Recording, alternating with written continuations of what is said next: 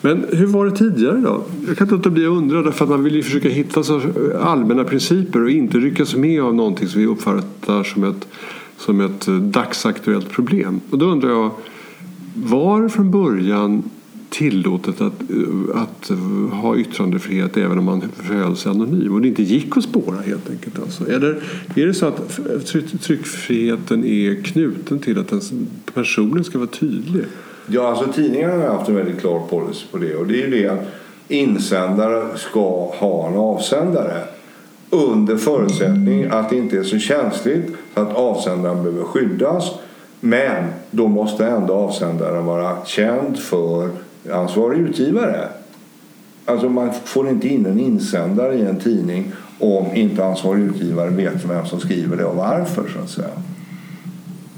Är det så, är det så juridiskt alltså, eller är det bara en praxis? Ja, alltså, alla tidningar jag har varit insyltad i har det varit en, en regel i alla fall. Om den lagliga bakgrunden vet jag inte. Mm. Men jag tror att om inte annat så är det någonting som tidningsutgivarna har som policy. Eh, att, att, att man helt enkelt eh, man låter folk vara anonyma om det är jävligt känsligt. Men ansvarig utgivare ska veta vem det är och varför det är känsligt. Så att säga. Om man, om man fortsätter med det, då skulle det innebära att anonymitet, eh, att sända ut åsikter anonymt över internet, oavsett om NSA eller FRA kan hitta det, men egentligen är det så att det borde egentligen regleras. Det borde i princip förbjudas. Man kan inte göra på det sättet. Alltså, det vore det enklaste sättet att städa upp i kommentarsfälten. Mm. Eh, det vore ju att säga det att eh, om inte ditt namn stämmer med den IP-adress som skickar iväg det här eh, och om inte ditt namn är offentligt så kommer du inte in. Mm. Och det är klart, då kommer man ju med det här dilemmat. Ja, men det finns ju naturligtvis diktaturer och det finns tre fjärdedelar av världen ser inte ut som västvärlden och där vore det att utlämna folk till tortyr och elände om man hade en sån regel. Men skulle man inte kunna säga det att om din IP-adress har hemort i Sverige så gäller detta. Om din IP-adress har hemort i Saudiarabien så är det någonting annat. Det är en saudisk eh, fråga. Eller om den är irakisk så är det en irakisk fråga. För man måste ju börja någonstans. Men hur menar du? Om, om IP-adressen är saudiarabisk men vill vara anonym, skulle vi släppa igenom den då? Då skulle saudierna få bestämma det. Det, alltså, den lands jurisdiktion gäller där IP-adressen är registrerad så att säga. Mm. Man måste ju börja någonstans så att säga. Mm. Och det är klart, ja, ja. det ska vara ett helvete då för saudierna skulle inte heller tillåta anonyma eh, insändare även om det vore väldigt önskvärt eftersom vi tycker som liberala västlänningar att det vore bra om det fanns en liberalism även i Saudi. Det konstiga är att till och med det svenska Sida betalar ju Eh, på något sätt uh, internet där man alltid är anonym. Alltså det här svarta internet eller vad det kallas för. Ja, deep internet. Ja. ja där, där man kan liksom sända ut saker och samla, samla åsikter utan att det är... Ja, det är väldigt svårspårat tydligen. Mm. Eh, vi ger ju till och med pengar till det och det gör vi ju därför att vi tror att de länderna där vi, ger, eh, där vi medverkar till utvecklingsarbete och sånt där de, behöver också, de är sällan särskilt demokratiska. Och då behöver, finns det eh, personer som behöver uttala sig. Och då tycker vi att de ska också ge dem ett, ett utrymme på något sätt där de kan tala fritt. Och därmed så understöder vi det hela. Det gör det hela lite mer komplext får man ju säga. Om vi själv, i Sverige säger att vi måste vara Anonym, alltså anonymitet funkar inte tillsammans med uttalanden eller utsagor eller överhuvudtaget publiceringar.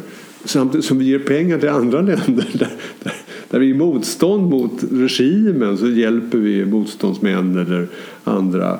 Förhoppningsvis liberala och, och duktiga och bra människor men ändå är det så att vi understöder någonting där man faktiskt de facto kan vara anonym utan att ens FRA hittar det särskilt lätt.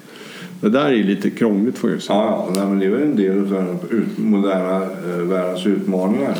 Och något bra lösning på det där Kineserna har ju en bra lösning för de har så jävla mycket eh, spårhundar på nätet så de tar dig oavsett om du ligger i deep internet eller, eller i vanliga internet och så vidare. Därför att de har eh, kanske hundratusen ingenjörer som sitter och spårar. Men, men Ja, vi lämnar det. Det är, det är lite pikant också. Dessutom har ju eh, brottsligheten har insett att svarta internet är ju liksom jättebra för att polisen kan inte hitta dem. De kan skicka meddelanden till varandra och, och eh, använda sig av en kommunikationstjänst som är väldigt, väldigt väl fungerande utan att polisen så där lätt eh, kan spåra. Jag tror dessutom att statsapparaterna utnyttjar det här. Va? Därför att det är naturligtvis jättebra att det finns en illusion om att det går att finnas på ett, ett, ett kommunikationsforum som ingen kan spåra. Men jag ger mig fasen på att Alltså FRA och NSA de är säkert lika duktiga på att spåra det här som kinesiska underrättelsetjänsten. Jag tror att alltså, det är jättebra att bovarna tror att de är skyddade men jag tror inte de är det. Jag, jag tror att det är, men det där får jag kolla. Men, men jag, det, det, men det vi pratar om är ändå tryckfriheten. Och då, och då, så, och vi hittar, man hittar en del problem med den och den borde kunna förstärkas. Eller man borde göra saker när internet finns. Då måste man ju också fråga sig varför, varför gillar vi tryckfrihet? Vad ska man ha den till egentligen? Och, eh, man tar den för sig självklar och det är klart att det vore trist om den inte fanns. Och, men det är ju inte så enkelt som att man kan se mer tv och lite sådana grejer. Det finns en djup, eh, ett djupt samhälleligt behov, eh, antar vi, till eh, att tryckfriheten finns som handlar om demokrati, samhällsutveckling och och sådana saker. Hittills har vi också trott att den hänger ihop med marknadsekonomin, att tryckfrihet, det vill säga att man får säga vad man vill, det hänger ihop med näringsliv som kan utvecklas. Nu, börjar vi, nu är vi inte så säkra på det längre för det verkar som Kina har världens högsta tillväxt år efter år efter år utan tryckfrihet. Men, men ändå så, så kopplar vi gärna ihop det här. Frihet på marknaden, frihet i, eh, i media eller frihet att uttrycka sig, att de hänger samman på något sätt. Va? Och, att, och sen också att det är finns... Ja, det, det, finns ju historiska belägg för. Det finns ju många som tror att anledningen till att eh, den ekonomiska revolutionen, industriella revolutionen hände i England och inte i Tyskland som var före England tekniskt eller Frankrike som var före England eh, på, på, på, på, andra intellektuella områden berodde just på att i England så fanns det en ska vi säga, högre grad av oavhängighet från kronan, en högre grad av yttrandefrihet och en högre grad av, eh, som tillät eh, etablerande av privata förmögenheter. Men, men det som jag tror gör tryckfriheten nödvändig det är just, just den demokratifrågan. Jag tror det är omöjligt att ha demokrati utan yttrandefrihet och tryckfrihet. Eh, det är en maktbalansfråga. Alltså, tryck, alltså, media är i Sverige den tredje statsmakten och i USA den fjärde. Ja, varför säger vi att det är en stats, statsmakt? Jo, därför att det är balanspunkten mellan den, den ska säga, lagstiftande och den exekutiva makten. Det, det, det är den som håller koll på de som har makten. Och, och, och jag tror, för, för vet inte väljarna vad som händer så har de inget underlag att rösta på. Och, så att jag, jag tror att, att alltså jag menar att yttrandefrihet och tryckfrihet är helt nödvändig för att följa, bevaka, värdera och avslöja makten, den politiska lika väl som den ekonomiska. Jag, tror att, jag, alltså jag, jag, tycker det också, men på något sätt är jag lite oroad över den här utvecklingen i Kina.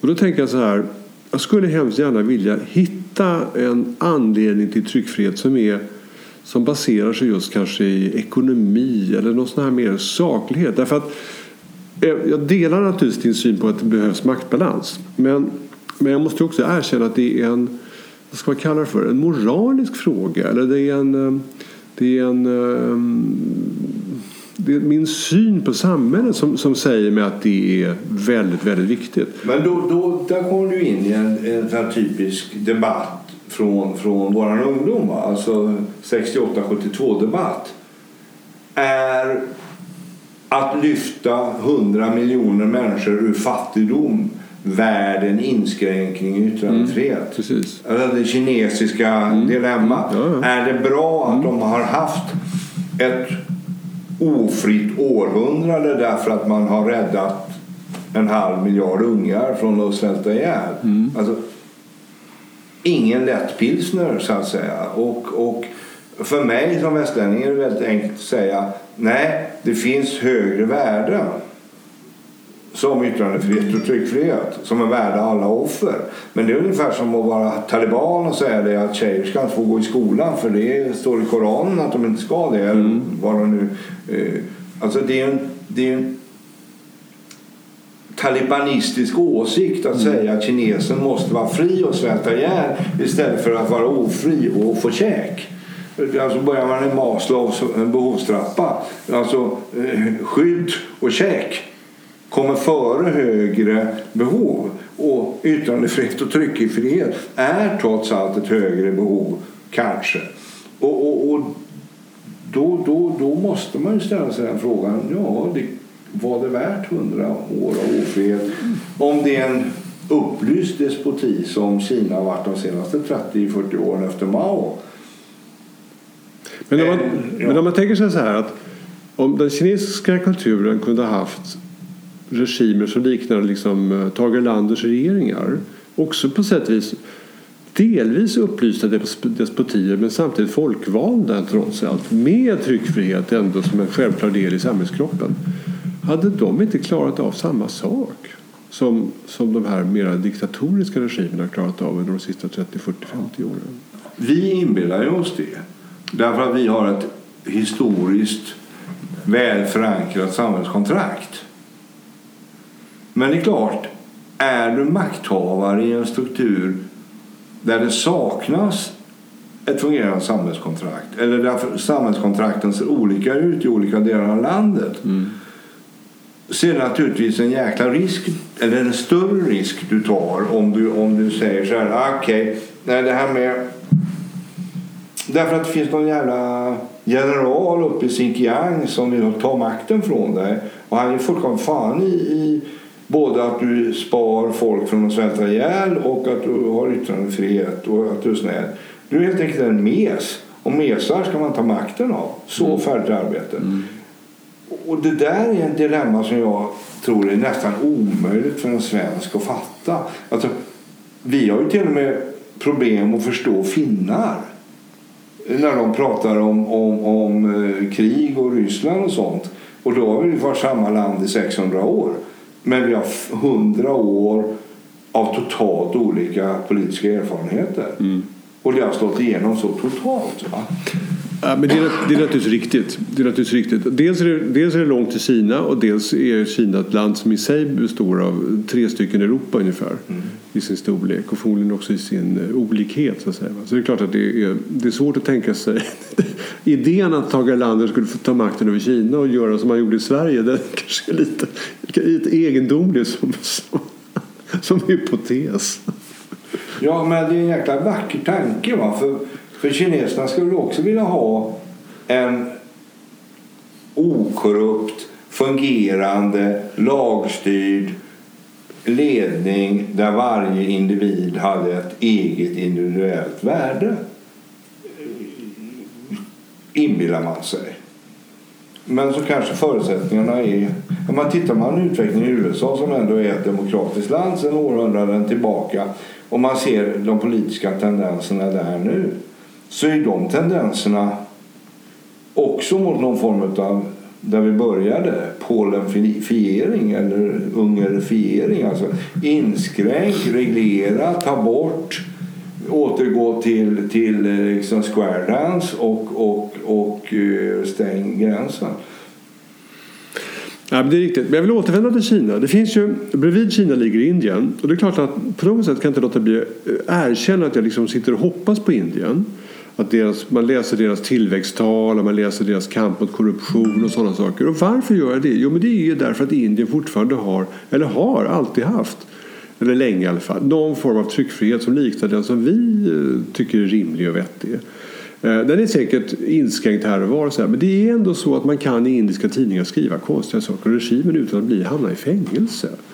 Uh, och det, jag kan inte bli tycka att det där ger mig lite hopp. Det är också ett jätteland. Och de ja, en massa olika saker som, som till det yttre i siffror och sådär liknar Kina. Och de är ju inte lika duktiga i ekonomisk eh, framsteg, det får man ju erkänna. Men de, Nej, men de är väl så duktiga när det är innovation och utbildningsnivå och sådana saker. Alltså, jag, alltså vore jag engelsman eller britt då skulle jag bestå, säga det att ja, det består, beror på att det brittiska inflytandet i Indien blev mer, fick större genomslag än det brittiska inflytandet i Kina mm. som var mer Kina hade väl fungerande interna egna strukturer som gjorde att vi inte kom åt dem på samma sätt. Och därför så har traditionerna från, från Magna Carta och The Glorious Revolution och så vidare slagit igenom i det sociala kontraktet i Indien.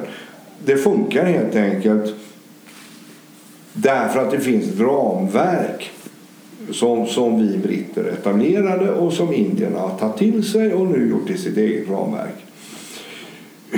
Ja, om detta är sant eller om det är postkolonial dravel vet jag inte. Men, men det är någon, du har helt rätt i det. Indien är fantastiskt intressant.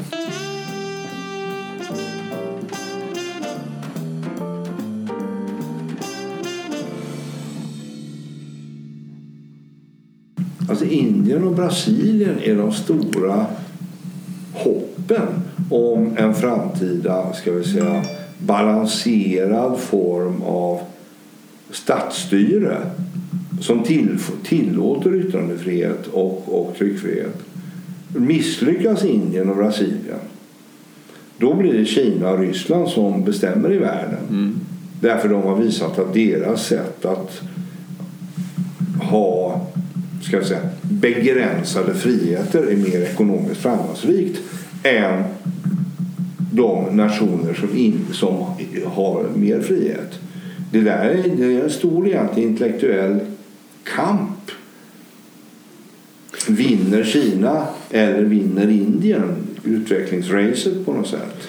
Alltså det är ju så att vi lever i en tid där USA har visat att tryckfrihet tillsammans med, med marknadsfrihet mm. ger liksom, då blir man mäktigast. Det har vi levt i på något sätt, en tro att det är så. Vi har inte ens trott det, bara varit så jävla självklart. Plus en sak till va, som Henry Ford sa. Ekonomisk hållbar ekonomisk tillväxt är omöjlig utan arbetare som är välbetalda. För då finns det ingen marknad. Ja, det är riktigt. Men, men den delen, om man tänker sig att den, sätter den i relation till tryckfrihet så skulle man kanske rent teoretiskt tänka sig att, den, att man inte behövde tryckfrihet för att uppnå just det. Nej, det, det är sant. Det är sant. Men det, jag tror det var en viktig ja, del ja, ja, men visst, av jo, men det är klart. Eh, den ekonomiska utvecklingen ja, ja. i USA. Att den amerikanska bilarbetaren blev medelklass ja. på 50-talet så att säga. Eh, till skillnad från eh, bilarbetare i, i, resten av världen som blev medelklass på 70-talet eller 60-talets slut. Mm.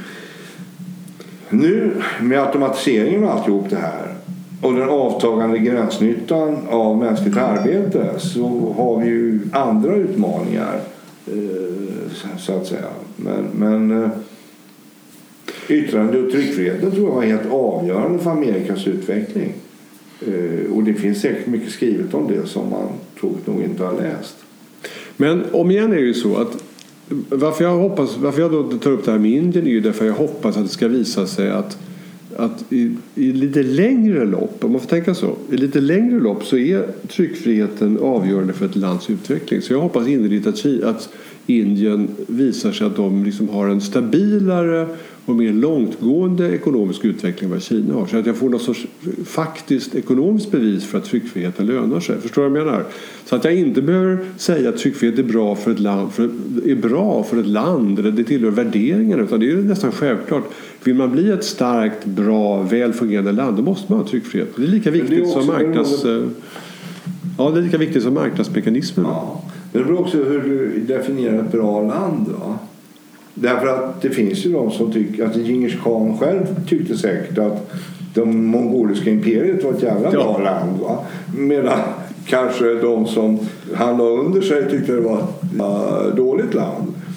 Eh, så det beror ju på vilket, ur vilket perspektiv man ser det. Alltså, fullkomligt självklart menar jag att yttrandefrihet och tryckfrihet är nödvändig för den personliga självkänslan även i ett land som Kina. Och det vore bra om den kunde införas imorgon bitti.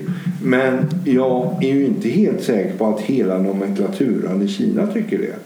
De tycker det är, kanske det är jättebra. Varför blev Kina som det blev? Mm. Med mandariner som styrde, en aristokrati som njöt och ett folk som var som myror. Förmodligen av en geografisk slump att det fanns jävligt mycket folk i floddalarna i Kina. Mm. Och varför blev vi en demokrati istället successivt? Jo, därför det här var som folk och därför så behövdes varje individ som individ så att säga.